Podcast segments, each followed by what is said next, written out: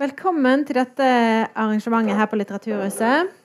Det heter 'Psyken og sykdommen hvordan henger kroppen og psyken sammen'. Det skal vi prøve å få svar på i dag. Og med meg har jeg Torkil Berge og Elin Fjerstad. Ønsk de velkommen.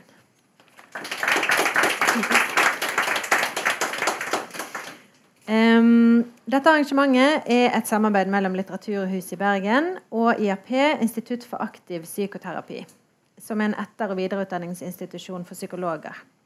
Uh, og Torkil Berge han har også vært leder for IAP.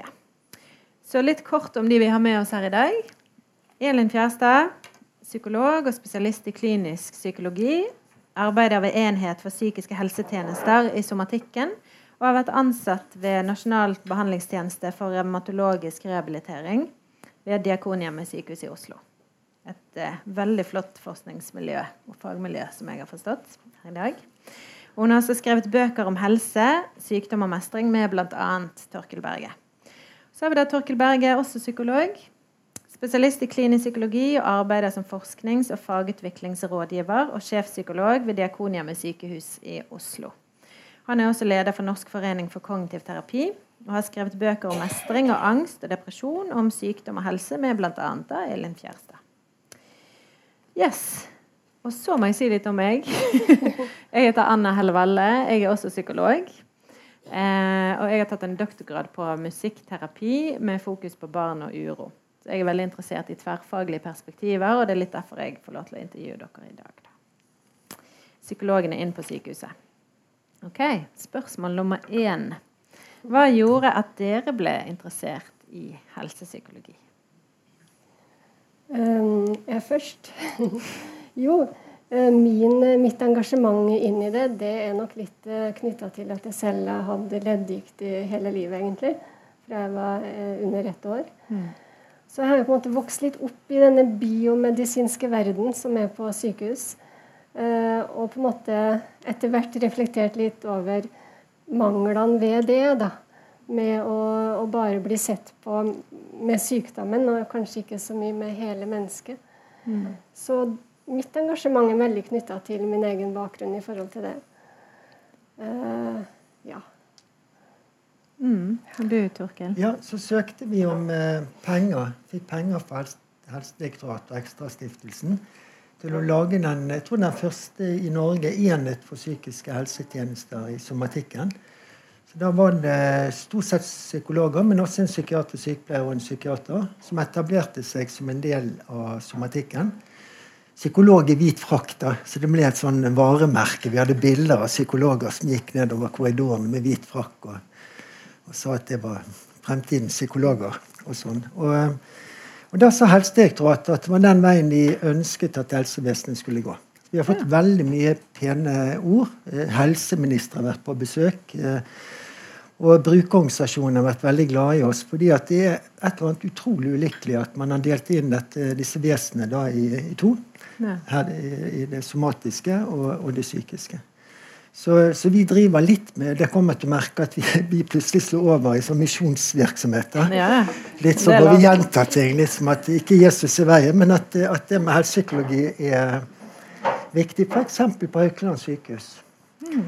Så, fordi at pasientene, Ikke alle, selvfølgelig, men ganske mange pasienter er virkelig kunder. Og de ønsker å få hjelp til det mentale mm. knyttet til sykdom. Mm. Ja, hjelp til um, å altså, ha noen verktøy hvordan skal du leve med sykdom som f.eks. aldri går over? Ja. Det er ganske mentalt belastende. Mm. Eh, og for å klare det, så, så trenger en noen hjelpemidler, rett og slett. Så for min del, som, eh, som har leddgikt, så er det mye sånn praktiske ting som er vanskelig når du har dårlige hender, f.eks. Så da trenger en tekniske hjelpemidler, og det fikk vi veldig mye av som barn, husker jeg. Eh, men jeg var også opptatt av men hvorfor, hvordan skal en tenke? I forhold til eh, sykdom. Hvordan skal du tenke om deg selv og om framtida og, og, det å være syk? Så det, det savner jeg, å få at vi snakker om de tingene der. da. Ja. Så, og da er jo psykologien full av psykologiske hjelpemidler, egentlig. Så, ja, for du tenker ikke at psykologien er litt sånn ullent? Altså Kanskje imaget til psykologi av og til er at det er litt sånn mystisk, og hva man driver med, hva, hva man skal gjøre, hva som er svarene. Tenker dere at det er et litt sånn praktisk verktøy som skal brukes? Ja, vi tror det er utrolig praktisk. Sånn at vi, vi er veldig opptatt av dette med strategier. Både handlingsstrategier eh, og tankestrategier. Og vi, vi, er litt sånn glad i idrettspsykologien. Jeg samarbeidet med hun som har vært mental trener for fotballandslaget. Så ofte har jeg pleid å nevne det som et eksempel for, for idrettspsykologi. at det er så bra. Men akkurat nå så er det litt farlig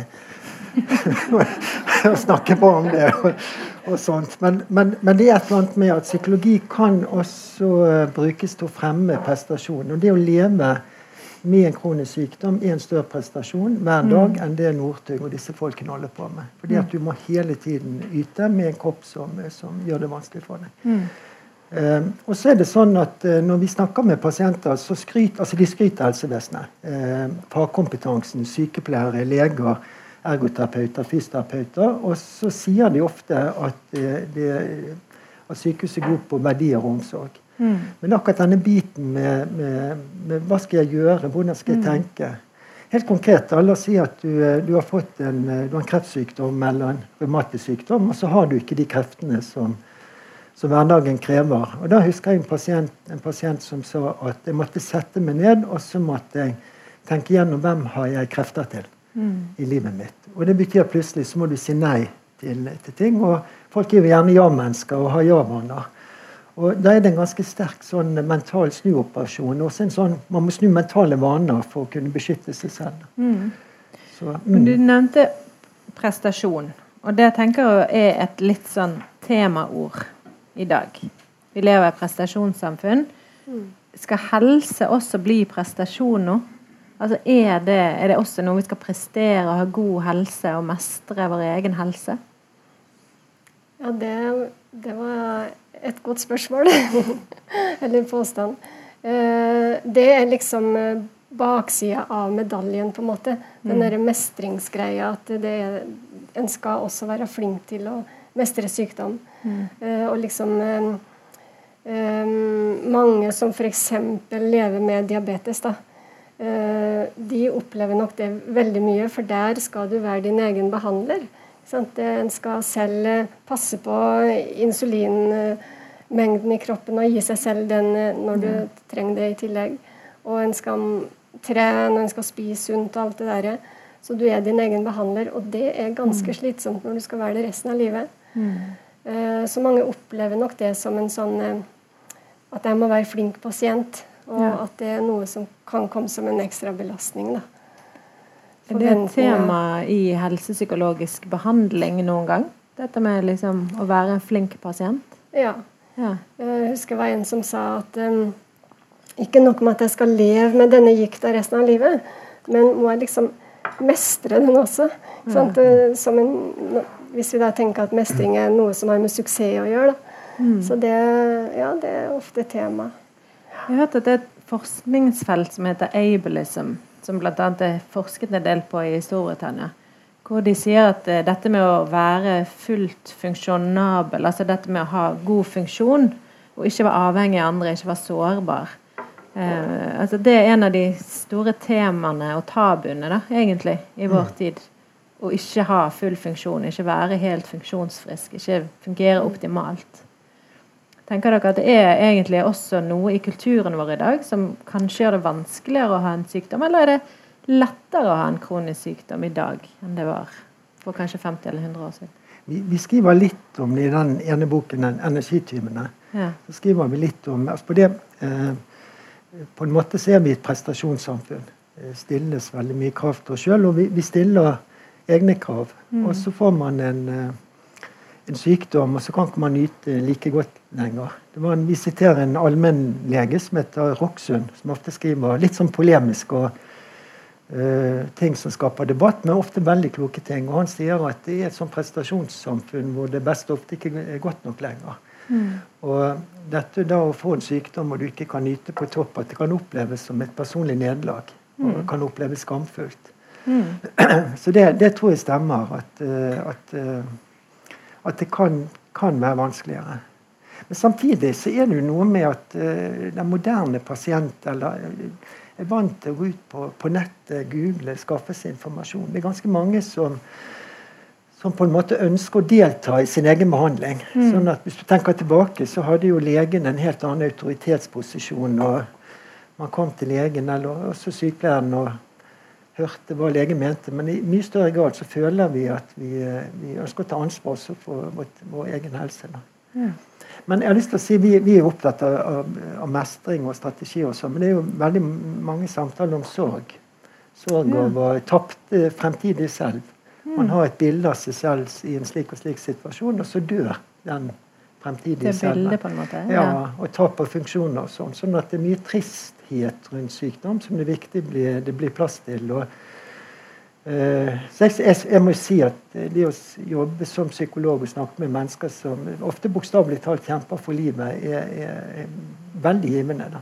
Mm. Og de som kommer til oss, da, som ønsker å samarbeide med oss, de er ofte kjempemotiverte. Ja. Så de er virkelig kunder. og sånn. Så det, det, er veldig utrolig takknemlig for oss å, å kunne jobbe med, med, pasienter i en slik situasjon, og også deres familier. Ja. Mm.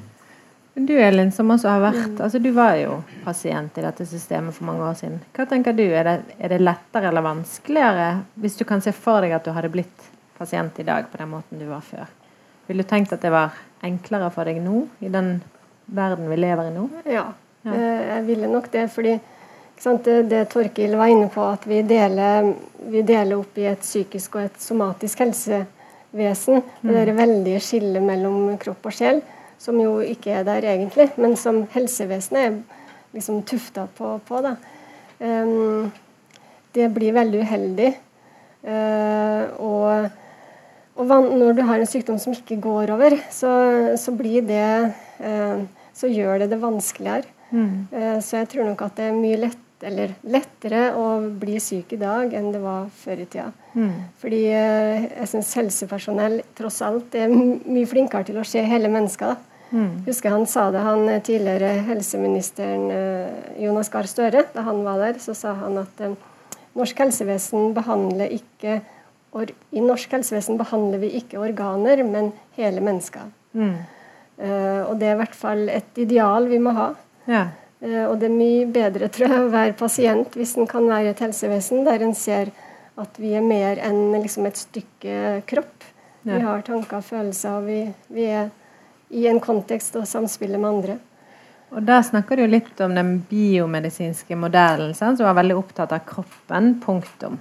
Ja. Eh, og så hadde du han som het Engel, som på 70-tallet da introduserte den biopsykososiale modellen mm. med det formål at man skulle gi bedre pasientbehandling, for pasienten er da hele mennesket. Samtidig har jo den biopsykososiale modellen fått kritikk for å være litt sånn ullen. Og liksom at du utvider det fra det biologiske til det psykologiske og til det sosiale. Har psykologens rolle på sykehus ingen grenser? Mm. Og jo, eh, vi kan jo ikke, vi kan jo ikke holde på med legeting, nær sagt. Mm. Eh, mye med kroppen og det medisinske som, som, psykologer ikke kan bidra inn i, selvsagt. Ja. Så, eh, ja, Det er da kjempeviktig. Jeg er bergenser, så det der med ydmykhet er jo Det er noe du øver på hver dag. Ja, men det, jeg, har, jeg, har, lest meg opp. Jeg har lest meg opp, og det er klart at Når du kommer inn som, som psykolog eller psykisk helsearbeider, for det er jo andre profesjoner også som jobber med det psykiske så er det viktig å, å eh, være ydmyk. Sånn at du mm. har respekt for legen og sykepleieren, som, eh, sykepleieren og andre som bokstavelig talt redder liv hver, mm. hver, dag. Og på en måte kjenne sin plass da, eh, er veldig viktig. Og, vi, vi, skrev en artikkel. Vi, vi, jobbet veldig mye med implementering. altså Hvordan skulle vi komme inn? Vi fikk midler til et prosjekt, og så var vi livredde for å ende på det stedet hvor veldig mange prosjekter ender etter at finansieringen er gått ut, og det er på den store prosjektkirkegården.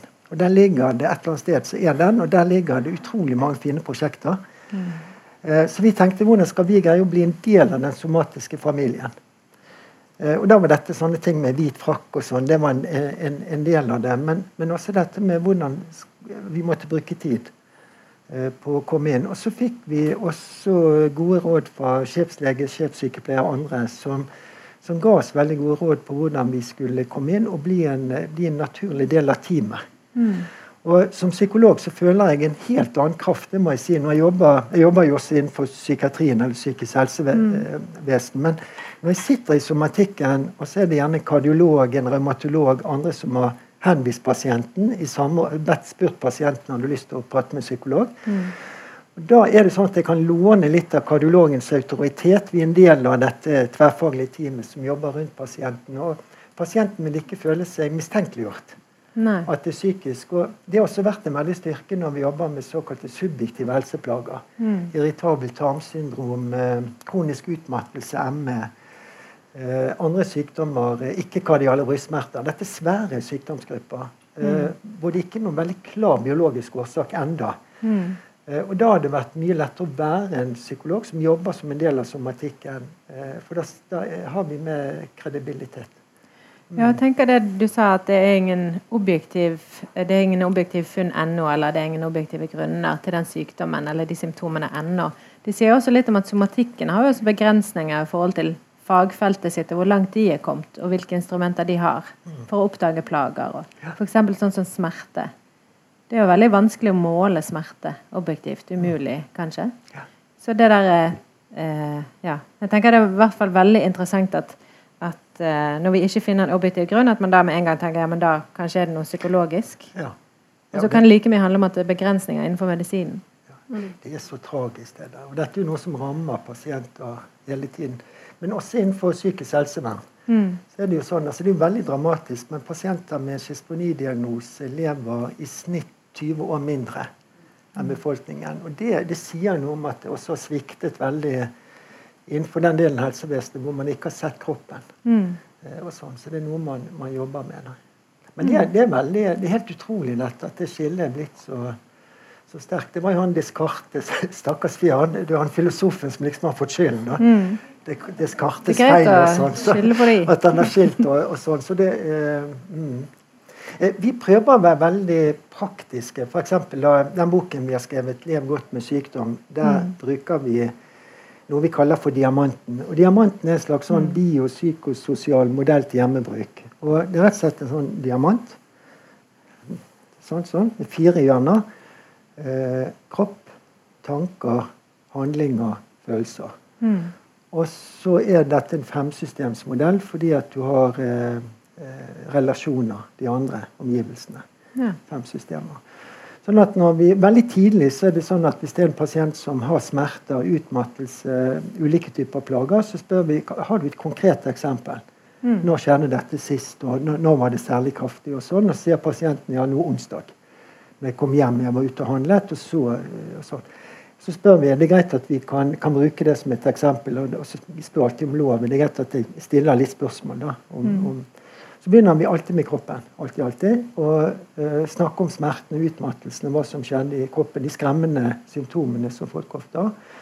Men så går vi over til de andre hjørnene og så spør vi hvordan føltes det når du sto der i gangen og, og alt liksom raste, og det var kaos.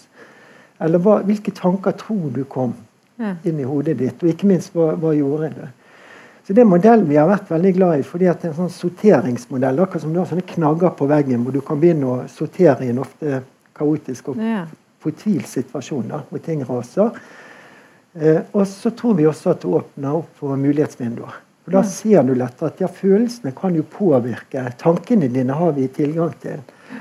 Eh, hva kan vi gjøre? Sånn at eh, Så det er et sorteringsarbeid som dere der gjør i samarbeid med den som ja. sitter på andre siden av bordet?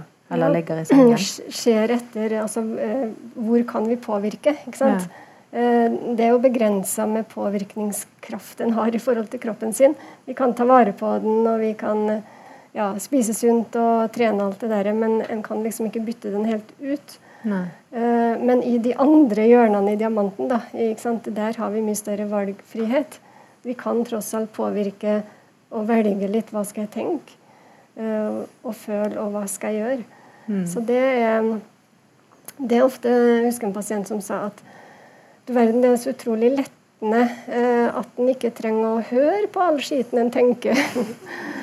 det, ikke sant? At der går det an å påvirke. Mm. Eh, en er ikke ja, Vi har lett for å tenke at eh, tankene det er sannhet og fakta. ikke sant? Og så mm. blir vi så prisgitt tankene våre. Um, så det er det vi jobber mye med. Da, hvordan en kan prøve å uh, se alternative måter å tenke på, som kanskje gjør at en kan føle seg bedre. Ja, for det, jeg bare tenkte det, jeg husker første gang en psykolog sa til meg ja, ikke, Du trenger ikke stole på tankene dine. Så tenkte jeg, ja, men Hva med følelsene? De følelsene er veldig sterke og klare. Nei, du trenger ikke stole på de heller. Ja, for de er ikke fakta. De, de hva sitter man igjen med da? Ja, de er ikke fakta. Nei, Skal man stole på objektive fakta? Nei, men jeg tenker altså, men, eh, Det er så kjempeviktig. Altså, det, eh, hvis du de får redskaper når disse følelsene kommer, f.eks. følelsen av håpløshet. Mm. Og husk på at Håp er et redskap du kan bruke når du jobber med sykdom. Så Håp er ikke bare en følelse du har, men det er det at du kan se for deg muligheter og hva du kan gjøre. Så håp mm. blir veldig viktig. F.eks. med kreftsyke så er, er håp ofte, ofte, ofte, veldig nyttig. Mm. Så det å kunne, så når håpløsheten kommer over deg, det å kunne tenke seg at det ikke, det ikke nødvendigvis sant, å kunne ta skritt tilbake. Og også dette med hva du sier til deg selv. Mm. Det som er at eh, Eh, filosofene sier det så flott at de sier at vi mennesker har ikke et beskuende forhold til egne tanker. Ikke, men egentlig så er vi sånn tolkningsmaskiner. Hadde jeg vært, hadde jeg vært nervøs nå sant? og det har begynt å gjespe, og sånn, så hadde min, i en del av min amygdala og min emosjonelle hjerne hadde begynt å tolke, eh, tolke, det med en gang. Dette går fryktelig, og nå, nå sovner de, og sånn. Mm.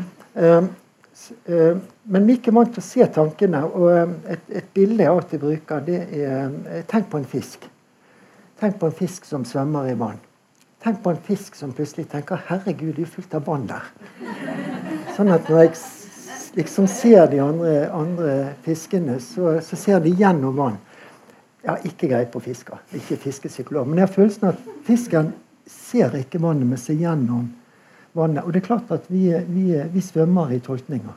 Mm. Men vi ser ikke på tolkningene, vi ser gjennom det. Mm. Og da tenker jeg Når du er syk og livet kan stå på spill, så er det liksom ekstra viktig å ikke ta de tankene for god fisk. Sånn? Eh, Bokstavelig talt. Og, da, eh, eh, ja, at, og der ligger det også valgmuligheter. Så hvordan vil jeg velge å tenke? Og mm. Da er det sånn at Du kan f.eks. se på deg selv som et som et menneske ut fra et eh, humanitært blikk. Mm. Et menneske som har det vondt, kjemper med en sykdom. Eh, hvordan kan jeg tenke om det mennesket på en omsorgsfull måte? Selvomsorg er jo et nytt begrep nå som det jobbes en del med. Kjempeviktig. Mm. mm. Veldig viktig. Være din egen beste venn. Ja. Men kan man da forstå det litt som at følelsene er en slags lyssetting av det rommet man da svømmer gjennom? Altså hvis det er noe vi svømmer gjennom, f.eks. hvis lyset skrus av, som er kanskje en metafor for at håpet går litt ut. Ja. Altså, kan man jobbe med liksom å lyssette ja. livsrommet sitt på en litt hyggelig måte? Ja. Elin sier det så sterkt. Husker du sa det på et kurs. Det må komme ut når vi, vi holder sånne kurs ofte for veldig mange mennesker. Et par hundre Eh, med sykdommer. Og så, så, sa plutselig at du kan ikke tenke deg frisk, men du kan tenke deg sterk og verdig. Mm. Og hun sa, hun sa hun tenkte så, så viktig, viktig, det er.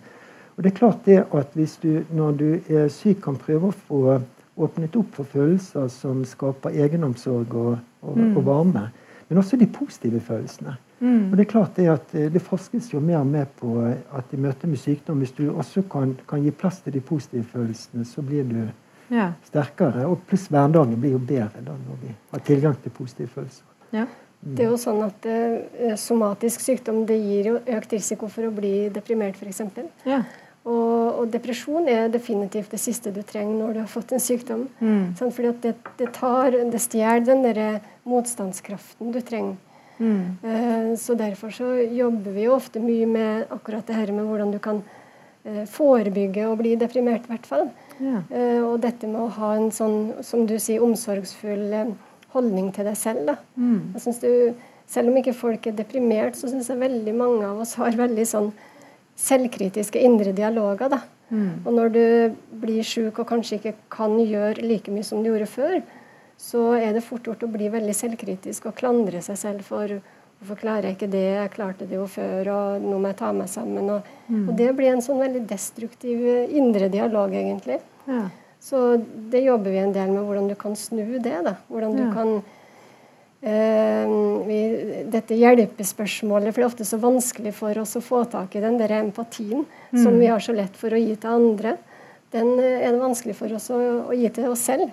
Ja. Så da stiller vi ofte det spørsmålet ok, hva ville du tenkt om en venn som var i samme situasjon? Mm. Ville du sagt at du verden så lat du er, du ligger bare på sofaen, og hvordan skal det gå med det, og fremtida di går i vasken? ikke sant? Sånn kan en snakke til seg selv. Du har kanskje ikke vært venner med den personen så veldig lenge, Nei. tenker jeg da. Nei. Nei. Men, Men, det er vanskelig å slutte å være venner med seg sjøl. Sånn, du kan ikke flytte, flytte fra deg sjøl, da. Så hvis du er en dårlig venn til deg sjøl, så har du jo kanskje et større problem. Ja, og I møte med sykdom så har det kanskje aldri vært så viktig at denne gangen bør du stille opp for, for deg selv. da. Ja.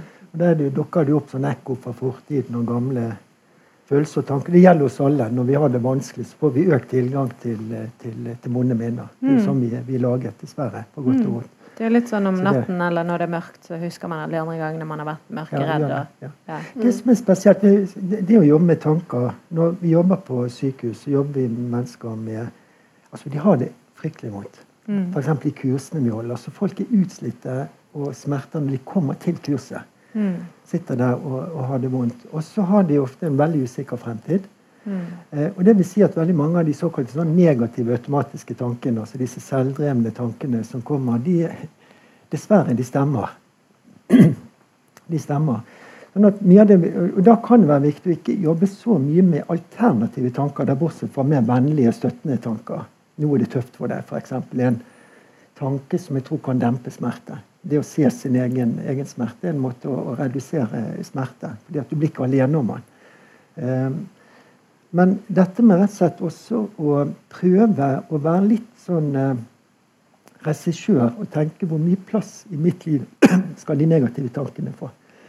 Fordi at Hvis de negative tankene, som da gjerne stemmer, hvis de liksom preger hverdagen, så ja, så blir det veldig vanskelig. Jeg må drikke litt vann. jeg hadde et eksempel. Jeg jobba med samarbeid med en, uh, en, som hadde fått en kreftdiagnose. Og, og var uhelbredelig syk. Og hadde kort tid igjen å leve. Og hadde en datter som hun skulle dø fra. Og, og, livet blir aldri så vanskelig, tror jeg, noensinne som når en er i den situasjonen. Ta imot. Så snill. Tusen takk. Veldig bra. Ja, Det kan ikke bli vanskeligere enn det, forestiller jeg meg. At du, liksom, du er syk i 30-årene, og så skal du dø fra barna dine. Mm. Da, hvordan skal du klare å finne mening og ha gode dager eh, sammen med barna dine de, de aller siste dagene? Sant? Eh, kjempevanskelig. Hva var det vi begynte å snakke om? Nei, for Det er jo noe med dette her at når du åpner opp for disse tankene altså Er ikke det vårt ja. verste mareritt som mennesker? Å sitte og kjenne på at noen kan ha det sånn og bli redd, også ja. for vår egen del. Og dø fra andre og hvis vi skulle ja. miste noen. Altså Det må jo være en sentral utfordring ved å jobbe som helsepsykolog. da. Ja, så da er det noe med å finne altså metoder eller strategier for hvordan skal du forholde deg til det fæle tankegodset som er naturlig å få når du er i den situasjonen. Mm. For Hvis du skal sitte og tenke på det hele tida i denne fæle situasjonen, så går du på en måte glipp av her og nå-samspillet med barna dine. Da. Mm. Så det var det hun som jeg samarbeida med da, strevde med. Hvordan, hvordan, både gi rom for bekymringene og, og alt det mørke og triste, men samtidig ha kvalitet på tida sammen som vi fortsatt har. Var det hun må, du fortalte om sønnen spurte henne om, om skal du dø, mamma? Var det henne? Ja. Ja, Hva var det han svarte da? Det var et fantastisk svar. Ja, hun hadde, jeg vet ikke om dere har sett det, men en sånn Snoopy-tegning. Der eh, vet Snoopy også har en sånn kompis, og så, og så snur eh, kompisen seg mot eh, Og så sier liksom ene kompisen da at eh, en dag skal vi alle dø. Og så sier Snoopy ja, ja, det er sant. Men alle andre dager skal vi leve. ja, så sa dette sønnen, ja. Ja, Så det var noe, noe, hun sa til sin sønn. At ja, det er jo sant at jeg skal dø, men, eh, men alle andre dager så skal vi ha det fint sammen. Mm. Og det er jo en beskjed til alle, tenker jeg. Altså det å klare å holde fast i vitaliteten og i livet i mm. hverdagen. Akkurat som den av og til driver litt sånn unna oss. Mm. At vi ikke føler oss helt levende i disse travle hverdagene våre. Ja, og det er eh, utrolig viktig å ikke romantisere sykdom. For det er mm. sykdom er sykdom da, og smerter. Men vi, vi gjorde en sånn kvalit kvalitativ eh, intervjuundersøkelse med, med, av pasienter som har vært i kontakt med oss. Jeg hadde times intervju. Eh, hvor vi også spurte dem litt om dette her med altså vi, vi, spurte dem om hva, hva, hva, som var viktig for dem i møte med sykdom. Og da trekker de fram de nære familiene. Eh, sine, partneren sin, eh, andre. Og, eh, men så spør vi oss litt I denne sykdommen er det noe de har, føler de har vokst på. Og Det er noe som heter posttraumatisk vekst, eller benefit finding. Som, som, og Da er det en del som, som, også sier noe om at de, de også ja, Sykdom setter ting på spissen. Mm. Hva, er er, hva, er det som er viktig for meg? Hva skal mitt liv handle om? Og Det blir så sånn supertydelig at livet er begrenset. Mm. Og da, da, er det noen som sier at sykdommen løftet fram hva som er viktig eh, for dem. Og vi syns det, det, er veldig sterkt når vi har disse kursene hvor altså Vi sier jo forhåpentligvis veldig mye bra ting. da, til Mestringskurs på søvnproblemer ved sykdom. Eh, eh utmattelse og sånn. Men, men, det deltakerne sier, at de viktigste tingene blir sagt av de andre. Mm. Eh, og sånt. Og Da sitter de og sammenligner og forteller sine erfaringer. og, sånt. Mm. Ja, er, det, er, det, et tema som er blitt profesjonalisert? Altså dette med sykdom og med døden. Overlater vi det til profesjonene og de profesjonelle å håndtere sykdom og død, der det kanskje før var mer av hverdagssamfunnet vi levde mer sammen til tross for sårbarheter og funksjonsnedsettelse.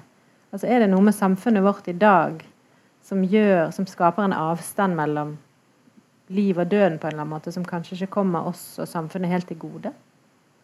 Hva syns du om det? Et lite spørsmål der, altså. Jeg tenker på de intervjuene. altså det det var veldig, Vi har drevet med, med sånn transkribering. Vi har skrevet mm. ned alt alt det de har sagt. og sånn. Og det er noe med at sykdom er veldig relasjonell. Så jeg, eh, altså det, det, selvfølgelig så er det slik at det er blitt mer profesjonelt. Og, og, vi dør da, når vi dør, så dør vi vanligvis ikke hjemme, men, men innenfor det offentlige. Men, men, eh, men, de snakker om familiene, hvordan, eh, hvordan hvor viktig det var. og sånt. Og jeg, jeg, tenker at Det som veldig ofte skjer, er at når man, en i familien blir syk, så slutter man rekkene. Og, mm. og, sånt. og så er det jo noen mennesker som forteller om ensomhet. At de ikke, ikke, ikke har noen. ja, For veldig, noen kan jo det sikkert bli ja. der for andre det virkelig Nå kommer vi nærmere hverandre. Så kan det jo for noen være Nå kjente jeg virkelig at jeg har jo ingen helt nære. Ja, det er trist. Ja. Det er trist. Du blir syk og, og uh, opplever det.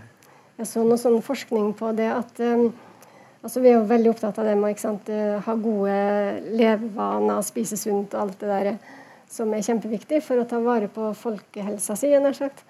Eh, men at det er forskning på at eh, det er enda mer skadelig for deg hvis du ikke har relasjoner, mm. enn om du da lever vilt, nær sagt. Altså at det er større dødelighet blant de da som har dårlig kvalitet på sine relasjoner, mm. enn det å da ja, leve usunt, da, for å si det sånn. Ja, for tenker Dere skriver jo litt om håp i denne boken òg. Du snakket om misjonering. mm. skriver, Dere skriver om håp. Og så tenkte jeg at um, altså, mye av det dere har jobbet med, har jo utgangspunkt da, i kognitiv psykologi. Sant? Som jeg, hvis jeg forstår det rett. Og at kanskje man har kritisert kognitiv psykologi for å være for individfokusert. Der du har kanskje andre fagfelt som er mer Altså Samfunnspsykologi for eksempel, var veldig opptatt av konteksten som mennesker inngår i. Og, og relasjoner mellom mennesker. Men f.eks. dette med håp.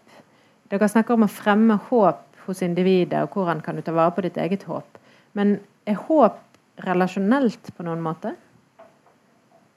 Ja, fordi at vi kan vekke håp uh, hos hverandre. Mm. Det kan vi. jo. det, det, tror jeg kanskje er noe av uh, vår oppgave som pårørende, at vi kan holde håpet oppe. Men eh, det har vært spennende forskning bl.a. Med, med, med kreftsyke som sier at noe av det mest eh, avvisende de, de kan få, det er oppmuntrende kommentarer. Ja. For du har det fælt, og så er du livredd, og så får du sånne klapp på skulderen. og fordi at man ønsker mer å få en opplevelse at du ser hvordan jeg har det. Ja. Men hvis du får den følelsen, en form for sånn gyldiggjøring, da er det mye lettere for å åpne opp for håp. Du, vi, vi, bruker mye, jeg, jeg, er veldig glad i sånn kognitiv terapi, men også mm. emosjonsfokusert terapi. og sånt, Men mm. vår identifikasjon går med på klinisk helsepsykologi, som er veldig sånn stolt, veldig bred eh, ja. felt innenfor psykologien. Eh, med veldig mye forskning om eh, f.eks. emosjonsfokusert mestring hos kvinner med brystkreft. og, og sånn, sånn at vi... Eh, når vi jobber på sykehus, så er det vår, vår, vår, vår kunnskapskilde. Da. Og da skrives det jeg tror det er 30 000 artikler hvert år. Det er en halv million fagartikler som ligger der. Så det, det er et enormt felt. Da. Ja. Og veldig mye av, det er, mye av det er også knyttet til kunnskap om hva som skjer i familier når, når, når sykdom, sykdom, oppstår. Så eh, det er veldig mye å hente. Mm. Ja, tenker jeg håper også knyttet altså for Hvis jeg hadde vært helsepsykolog, da, hadde det kanskje vært lett lettere å indusere håp hos en pasient hvis forskningen på det feltet som dreide seg om sykdommen til den pasienten, hadde kommet veldig langt. Altså F.eks. hjertemedisin får jo veldig mye penger og forsker jo, og det skjer jo fremskritt hele tiden. Så har du andre felt som gjerne er underfinansiert, og ikke, hvor ikke forskningen er kommet like langt. Ja. Har det at dere kan gi noen håp, har det noen sammenheng med hva som faktisk jobbes med å forskes på der ute i verden? Ja. Mm. Ja, det, altså det, vil jo være lettere på en måte hvis du har medisin i, i ryggen. Ja. Um, men noen ganger så, så, er jo ikke det mulig. sant? Uh, og da er det viktig å jobbe med folk på hva kan du da forankre håp i? Hvis du ikke kan forankre det i at ja, det finnes en medisin som vil gjøre meg friskere, mm. hva kan du da forankre det i noe annet? Sant? Hva kan... Um, og da sier jo folk eh, f.eks. at eh, ja, håp om å leve en stund til. Håp om å ha eh, gode dager sammen. Eh, håp om at eh, de jeg dør fra, skal ha et godt liv. Så det mm. å, å, finne alternative ting å, å, forankre håp i, det er også en oppgave som vi har. da. Ja.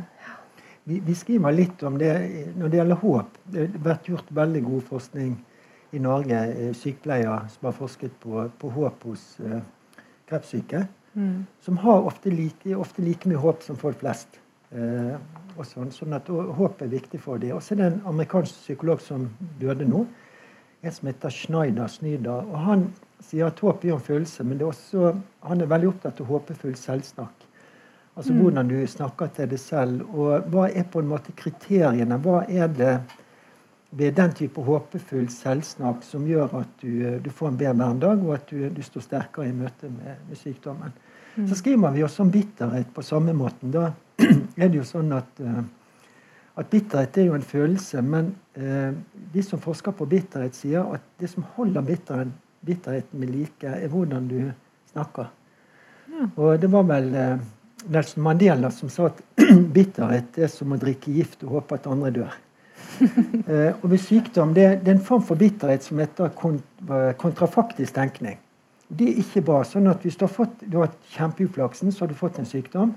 Og så går du og bruker en del tid på å tenke hvordan livet hadde vært hvis dette ikke hadde skjedd meg. Mm. Hvis ikke den ulykken og, og Er det sånn. falsk håp, eller hva vil du kalle en sånn type Nei, tror, altså Det de sier, er at det blir vanskeligere Det er urealistisk. ja, men altså det at du mister noe av kontakt med livet slik det skjer. skjer noe, du psyker deg sjøl ut, nærmest. og sånn, fordi at Du blir også så skuffet. Du ser noe som kunne ha vært, ja. og så kommer du tilbake til, til det, som, det, som, er. Da.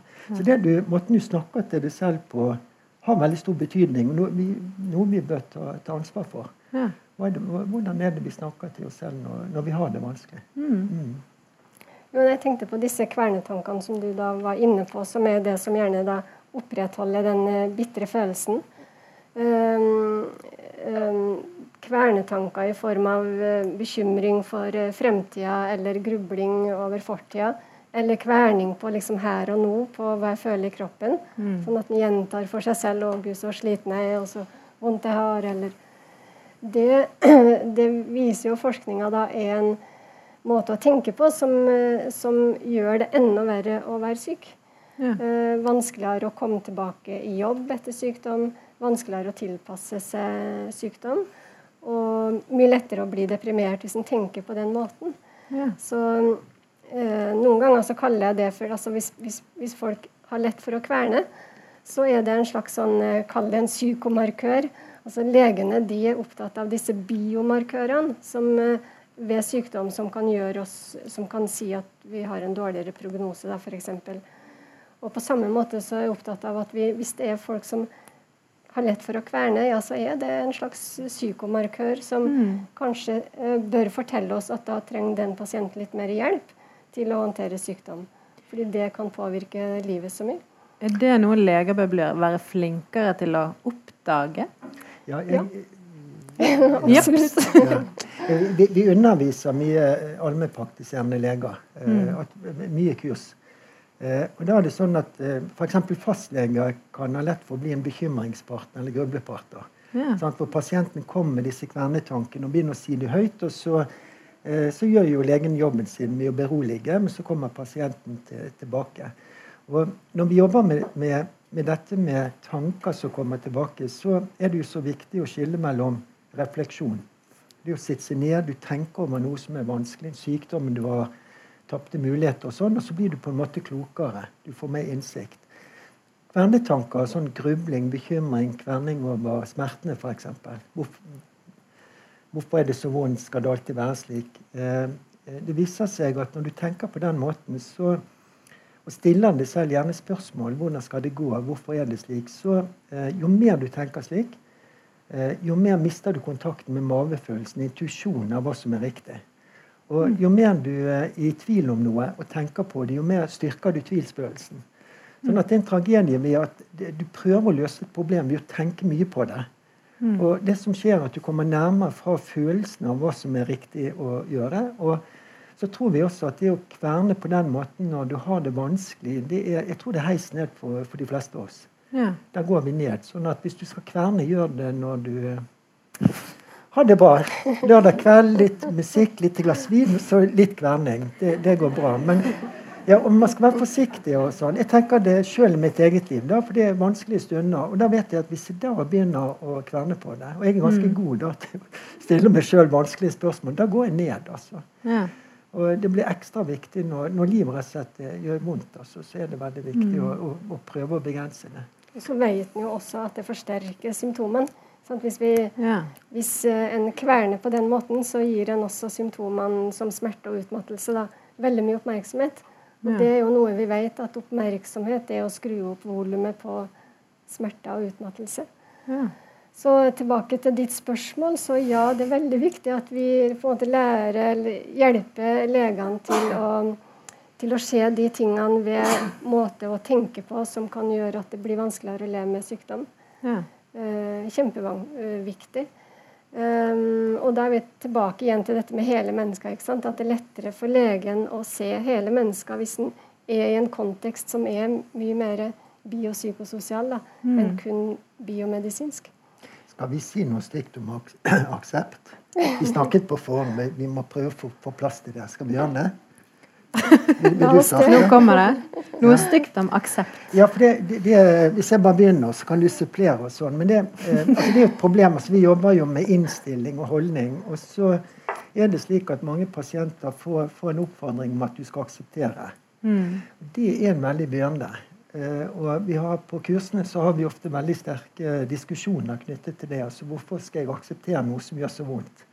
Ja. Eller som, som, som, hindrer meg. Fordi at jeg har så lyst til å gjøre det og det. Og så, sånn som en sa, at jeg, skulle, jeg passer ikke til denne sykdommen. Jeg skulle hatt en helt annen sykdom.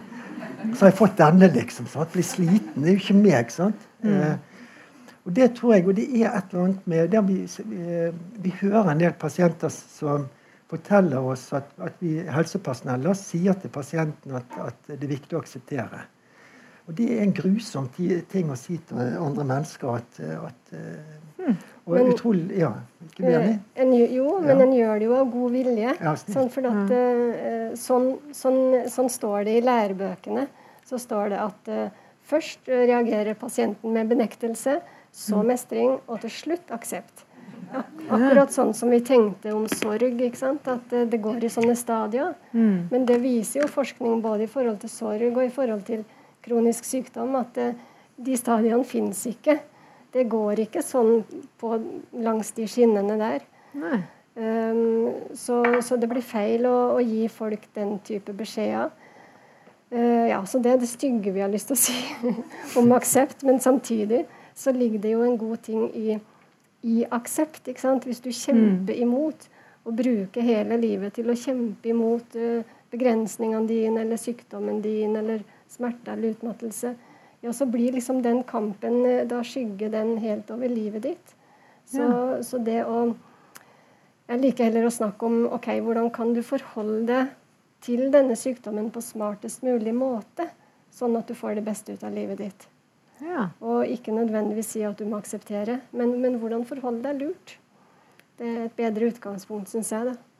Ja, for nå er jeg litt forvirret, for jeg, jeg trodde jo også at aksept var veldig viktig. Og jeg tenker sånn f.eks. For i forhold til buddhistisk eh, filosofi, dette med å akseptere, og mye gammel også, gresk filosofi med sto, stoikerne. Så du må akseptere at du skal dø, og huske at du skal dø, og du skal stå i det. Ja. Altså, jeg tror kanskje altså det er én eh, ting at, at, du har din egen reise, da. Hvor mm. du ender fram til en, til en aksept. En, en, en, måte å forsone deg med, med, noe som har skjedd, og kanskje også hente noe positivt ut av det. Det ligger mm. mye, kan ligge mye klokskap i, i uh, vanskelige ting. Mm. Uh, man blir klokere av det også, tror jeg. Um, men det er liksom din reise. Så hvis en annen sier at du må, at det er normativt, ja. Det, det, blir, det, er det der det ble annerledes. Og jeg mener også at jeg, jeg tror også det er noe med akseptering. Jeg, jeg skrev en sak eh, jeg skrev, jeg skrev en sånn, Det var i psykologtidsskrift. Jeg skrev en slags hyllest til dødsangsten. da, Med mye sitater fra filosofer. sånn. Jeg ble veldig opptatt av det en periode mange år siden. Så det var Unge Berge skrev om dødsangst. og, og sånn, og da, og da siterte jeg han Dylan Thomas har et fantastisk dikt som slutter med, eller refrenget Rage Range against the dying of the, the light. Ja. At dette er et menneske Der er det noe med at man, eh, man, eh, at man kjemper. Og det mange pasienter opplever når vi som helsepersonell snakker om aksept, så hører de oss si 'gi opp'. Det er der problemet ja. ligger, kanskje? Ja, en begrepsavklaring? Ja, For noen så ligger det der. ikke sant? At noen kan føle at ok, det er jo det samme som å resignere. Og det vil jeg jo ikke. Så, så, det ligger så mye forskjellige tolkninger i ordet aksept. Ja. Og, men, men, det vi er mest liksom ergerlig for, er jo når andre gir deg beskjeden om dette må du bare akseptere. Det blir det samme, Jeg i hvert fall blir like irritert hvis noen sier ja, men tenk positivt da, Elin. Ja. Det irriterer meg, fordi uh, ja, vi er noe forskjellige. Noen av oss tenker veldig positivt uh, og er optimistisk, og andre har mer lett for å tenke negativt er realister, kanskje? Altså er det vel vist at de som har litt sånn negative forventninger, at de faktisk er litt mer realistiske? Ja, de som har liksom skåra bitte litt på depresjon, altså det er litt sånn nedstemt. Mer enn snittet. For snittet er jo litt i overkant. Ja, det stemmer det. Positivt. Ja. Men vi har sånne positive illusjoner, og det er ikke det verste. Nei. Poenget er jo, ja. jeg tenker at poenget er å være klar over hvordan du tenker, og at hvordan mm. du tenker kan påvirke hvordan du føler. Mm. Vi har jo en kollega som sier at eh, jeg liker nå å tenke negativt, så tenk gjerne negativt, men, men gjør det med glimt i øyet. Ja. Sånn tenk litt positivt i det negative? Ja, eller være klar over at nå sitter jeg her og kverner og tenker negativt. Og, men, eh, men, OK, om, om en stund skal jeg gjøre noe annet. ja. For jeg tror jeg ville blitt like provosert hvis da den samme legen som hadde vært på kurs hos dere og lært ikke si 'aksepter dette her', som hadde sagt 'ikke aksepter'. Ja, det ble det feil. Så jeg vet ikke, Det er jo sikkert akkurat dette med begreper og hvordan man skal kommunisere håp og aksept og endring. Det må det, vel være en utfordring? Ja, det legene sier uh, Det er ganske mange leger nå, fastleger som har tatt uh, vi har sånn kurs, Det er Norsk forening for terapi, Og så har mm. vi uh, kurs på allmennpraktiserende leger og, i samarbeid med Legeforeningen. Så det har vært mange som har tatt dette kurset. Og det de sier, er at når de evaluerer utdanningen, er at det er lettere for dem å stille spørsmål i komplekse saker. Ja.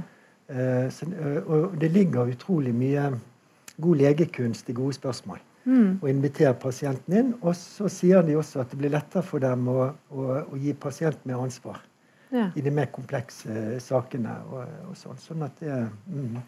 Er det en slags dumbofjær altså, som gir dem litt selvtillit til å tørre å bruke seg sjøl litt mer, kanskje? ja, det tror jeg. Ja, så vi har mye ja. rollespill uh, og sånt med disse legene. For altså, legene er jo helt fantastiske til, til veldig kjapt å gjøre diagnoser. Uh, helt utrolig, egentlig, når man uh, leser studier om hvordan fastlegene fungerer. Det er jo helt fantastisk eh, fagkunnskap og hvordan de går gjennom ulike variabler.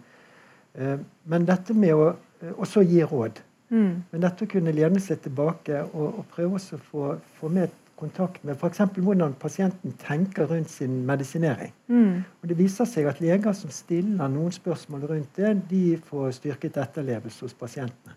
Ja. For Det er ofte måten vi tenker rundt medisiner som gjør, avgjør om vi avgjør om vi, vi, tar det eller ikke. Da. Og Stort sett så tar vi ikke medisin ofte som, som legene vil. Da. Så, dessverre. Ja. For jeg, jeg satt og tenkte på, Da jeg leste boken deres, så tenkte jeg litt sånn Er helsepsykologi et slags solidaritetsarbeid med det sårbare i oss alle? Og den var fin. Den skal jeg stjele. den skal jeg stjele. Men den var fint. Ja. Mm.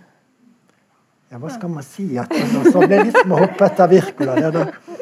Altså, vi, vi vier oss mye, og det, det, må jeg si. For det, ofte tenker jeg det er litt tilfeldig hvem som sitter i hvilken stol og, og sånt, når man jobber med dette. Og, og sånn, sånn at det er Iallfall jeg syns det er utrolig givende samtaler. For det er jo det å møtes som to mennesker og snakke om livets realiteter. Da. Og jeg... Eh, jeg vet jo at det som skjer med den pasienten, det vil skje med meg, og det vil skje mm. med mennesker jeg er glad i. Mm. Og, at, at, og, og, du får jo også eh, gang på gang høre historier om at livet er sånn, og så plutselig mm. så er det sånn. sånn at, Ukontrollerbart, og plutselig skjer det et eller annet. Ja, kjempeskremmende, mm. egentlig. Det er jo noe vi er opptatt av, og derfor så likte jeg det du sa. Eh, fordi at eh, eh, Ja, som du sier, at det eh, Når vi passerer 50 i hvert fall, så må i alle fall halvparten av oss regne med å få en eller annen kronesykdom. Fordi ja. vi, vi, vi, lever jo så lenge. Sant? Alderen, i hvert fall på oss kvinner, er jo gjennomsnittsalderen godt over 80. Og da rekker vi å få mange sykdommer før vi dør. Mm. Så, um, så, det å tenke at uh, sykdom er en, en, naturlig del av livet for veldig mange, mm. uh, gjør at vi liksom får et litt mer sånn humant uh, samfunn, tenker jeg da, hvis vi kan tenke litt sånn Dette er noe som skjer oss, mm. og ikke bare at det er de pasientene, og så er det vi hjelperne, liksom. Mm. Vi, vi, skrev litt sint innlegg i Aftenposten, og det er liksom ikke helt typisk oss, men det gjorde vi. Og da var det han Åmås, eh, Fritt ord og sånn, som, en, mm. som jeg har utrolig sans på, skriver veldig mye bra. Og så skrev man en kronikk i Aftenposten som var kjempegodt ment. for ofte virker det så bra oppi hodet. Iallfall jeg har erfart det. Og så skriver man det. Det positive selvsnakket, vet du. ja, men så, så, skrev man, og så var vinklingen gikk på at, for det gikk på dette med frihet, og at eh, ja, men det er jo så mange mennesker som er syke, og da mister man på en måte sin frihet. Så han mm. hadde en måte å argumentere for det på, men som ble veldig feil. Så først var det virkelig et sint innlegg. da, En pasient med, eh, med, med kronisk sykdom som sa at hun ville ha frabedt eh, det å bli kalt ufri. Mm. Eh, og sånt. Og så skrev Det var ikke så sint, men det var litt sånn krast at eh, hvor, vi, hvor, vi, skrev at hvis, hvis man knytter det med, med, ufrihet opp mot sykdom, så er det veldig mange eh, ufrie mennesker i vårt samfunn. Mm. Og så skrev vi også litt om at det er et eller annet med det der prestasjonssamfunnet. Hvis listen for, for frihet, lykke, blir lagt for høyt, så er det ingen av oss som når opp til det. Mm. Eh, og vi har vært litt opptatt av at vi må ha et samfunn hvor det er plass til, eh, til, eh, til sykdom og smerte, men også ulike typer kropper. Vi skrev ja. nettopp en, et kapittel om, om, om, kroppen i psykoterapi, en, en bok hvor, hvor, vi tenker at vi som samfunn bør skape, skape et sånn rom. da, ja. Og det er plass til alle disse ulike kroppene. Ja. Og at vi ikke skaper motvind, men at vi skaper, skaper medvind. Ja. Mm. Da har vi dessverre ikke tid til flere spørsmål, men siden vi er på litteraturen, så tenkte jeg at jeg skulle ha en litt sånn litterær oppsummering. Det ble egentlig ikke en oppsummering av det vi har snakket om, det ble egentlig noe helt annet. Men jeg tenkte det er på sin plass. For jeg skal, Da jeg skulle forberede meg til dette intervjuet, så tenkte jeg måtte lese meg litt opp på hva er soma, altså kroppen, og hva er psyken. Så da gikk jeg litt tilbake til kildene. Og det viste seg at psyken den kommer fra gresk syke som var en figur i gresk religion, en personifisering av menneskesjelen. Og hun fremstilles i gresk kunst som en liten kvinneskikkelse med vinger, som en fugl eller en sommerfugl. Ofte i forbindelse med erotene eller med amor, som også da het eros. Og det er da Apoleius' berømte fortelling fra 100-tallet, som vi alle kjenner til. Eventyret om Amor og syke. Og dette, når dere hører denne korte fortellingen, så tenker dere at denne er blitt overlevert i mange former. Også vår egen Kvitebjørn Kamalemann. Syke var en prinsesse som ble elsket av Amor, som bare besøkte henne om natten og nektet å vise hvordan han så ut. Forledet av sine ondskapsfulle søstre, som hadde innbilt henne at hennes elskede var et fryktelig uhyre, sto hun opp en natt mens Amor sov, og så på ham i lyset fra en lampe som hun holdt over ansiktet hans. Da hun så at han var den skjønneste av alle guder, ble hun så glad og betatt at hun kom til å dryppe en varm dråpe olje fra lampeskålen ned på Amors skulder. Han våknet, bebreidet henne at hun ikke hadde tatt hensyn til hans forbud, og fløy bort fra henne. Og Deretter måtte syke utstå alle slags prøvelser, men hun besto disse og gjenvant dermed Amors kjærlighet og ble som hans hustru til, slitt, til sist tatt opp blant gudene. Så det var Amor. Og så var det kroppen. Soma. Og det kommer fra sanskrit soma. Og over 100 hymner i de hellige indo-iranske skriftene Rigveda er viet til Soma. Han ble omtalt som gudenes gud og det er også navnet på en drikk som er laget av denne guden. Og drikken soma gir den som drikker den, styrke, helse og glede, og gjør dem yngre og mektigere. Og I senere hinduisme ble soma identifisert med månen. Og Dette har gjort at navnet på mandag er somavara på sanskrit, eller avledede navneformer på mange indiske språk. Så da tenkte jeg litt at kanskje det med psykosoma det er en kvinne og en mann det er en fra gresk litteratur, en fra indoiransk og hinduistisk kultur. Så kanskje det er der noe av det uforsonlige ligger, da. Eller forenlige. Et forsøk på svar. Men tusen takk for samtalen, og takk for dere som kom og hørte på.